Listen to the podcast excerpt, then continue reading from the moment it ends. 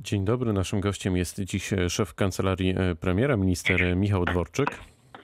Dzień dobry panu, dzień dobry państwu. Panie ministrze, myślę, że wielu słuchaczy, wielu Polaków zadaje sobie to pytanie, na jakim właściwie, właściwie etapie walki z pandemią w Polsce jesteśmy, bo od kilku dni widać już w zasadzie chyba w każdej dziedzinie życia powrót do normalności. Pytanie, czy faktycznie już o niej możemy mówić?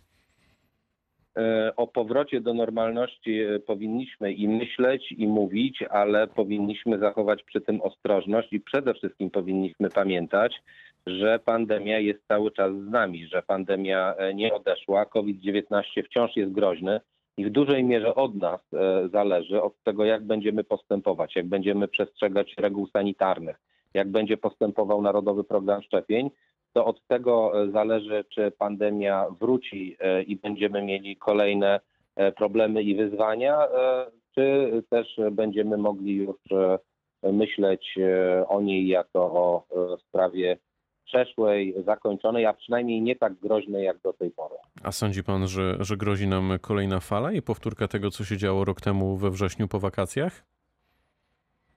Tak jak powiedziałem, zależy to w dużej mierze od nas, ponieważ jeżeli będzie dobrze postępował program szczepień, jeżeli znaczna część populacji zostanie zaszczepiona, jeżeli przy tym będziemy przestrzegać reguł sanitarnych i zachowywać się odpowiedzialnie, no to jest szansa, że unikniemy takiego scenariusza. Ja bardzo na to liczę.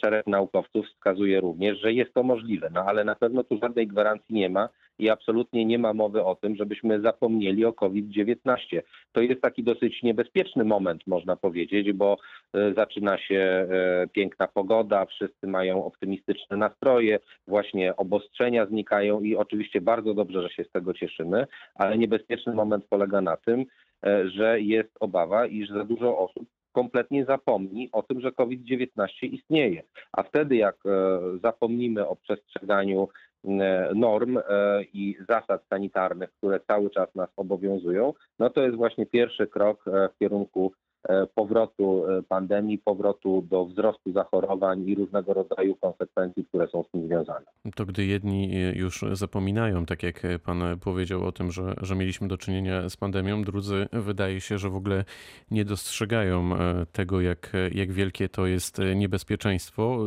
Myślę, że wiele osób zastanawia się, jak namówić Polaków do szczepień, tych, którzy w ogóle nie chcą lub nie chcą drugiej dawki. Czy wy to policzyliście, jak duży to jest problem w tej chwili?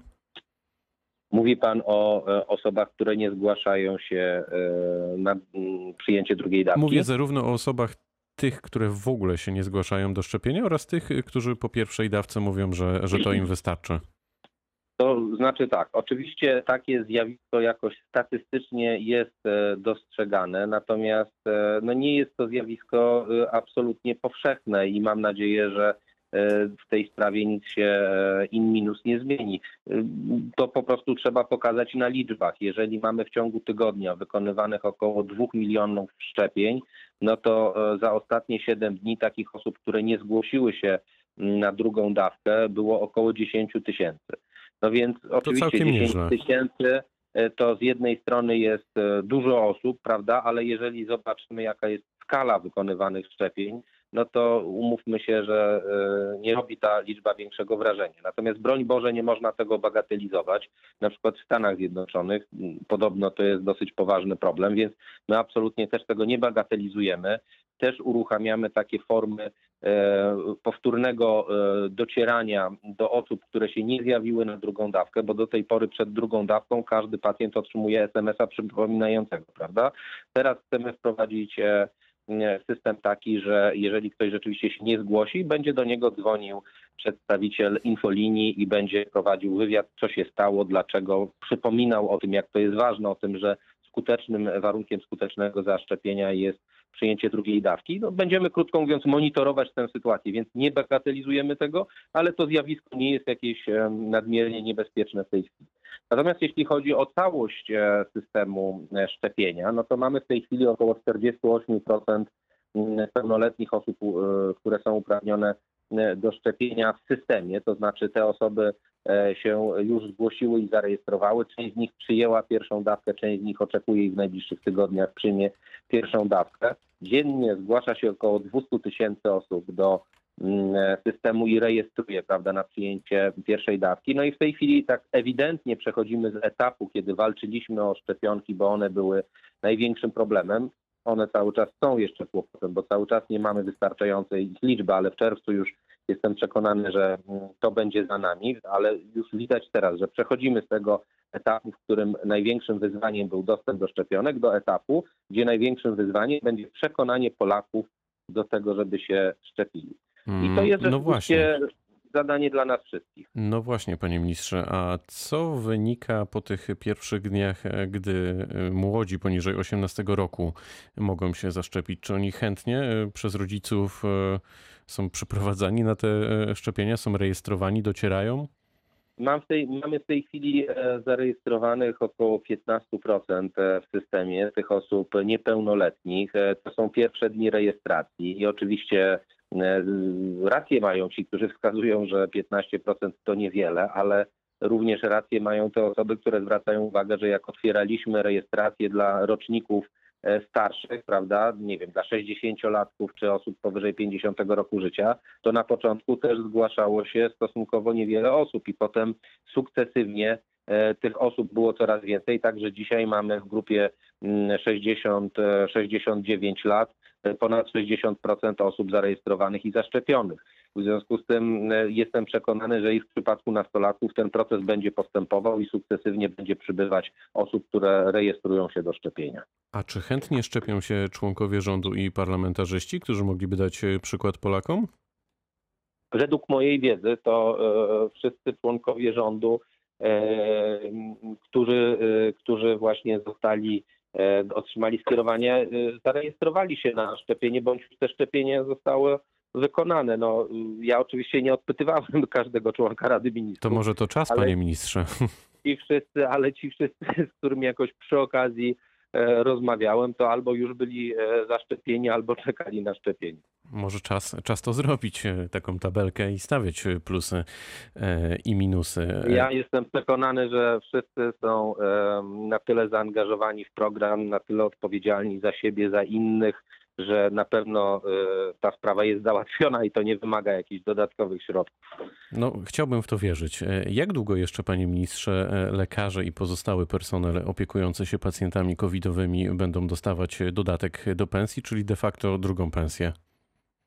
Wie pan, to są decyzje Ministerstwa Zdrowia i ja nie chciałbym się w tej kwestii wypowiadać. Tutaj muszą się przedstawiciele tego resortu mm, e, wypowiedzieć, prowadząc pewną politykę związaną e, z działaniami e, covidowymi i też po-covidowymi, prawda? No bo w tej chwili też przechodzimy do pewnej, mam nadzieję, już takiej fazy e, długotrwałej po-covidowej i tutaj wszystkie plany opracowuje Ministerstwo Zdrowia i pan minister Niedzielski, jestem przekonany, będzie je sukcesywnie prezentował.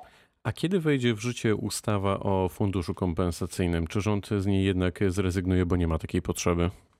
Nie, absolutnie nie zrezygnujemy, ponieważ z założenia ta ustawa miała być z czasem mm, rozciągnięta, czy ustawą miały być objęte również inne szczepienia, nie tylko przeciw COVID-19, więc na pewno nie rezygnujemy.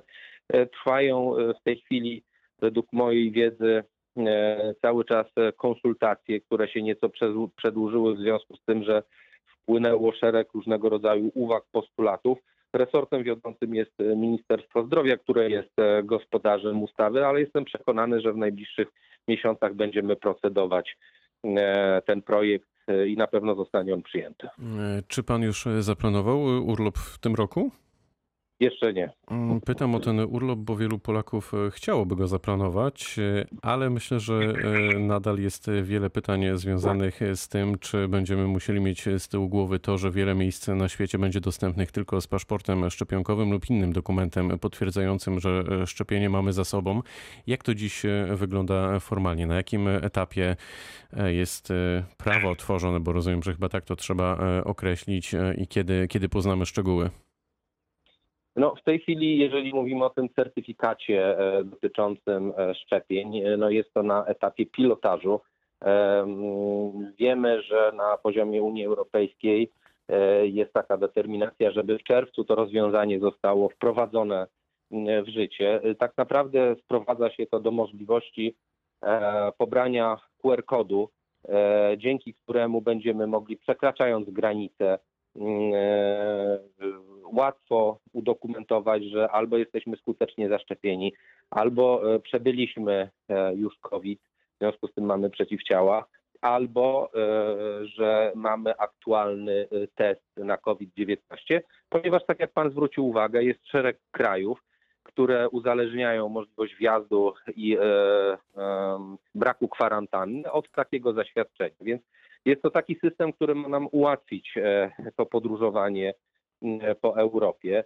E, I myślę, że on po prostu zacznie rzeczywiście w czerwcu funkcjonować, bo wiele osób będzie z tego, e, wiele osób będzie zadowolonych e, z tego rozwiązania, bo rzeczywiście to ujednolici e, system i e, ileś tam e, problemów rozwiąże.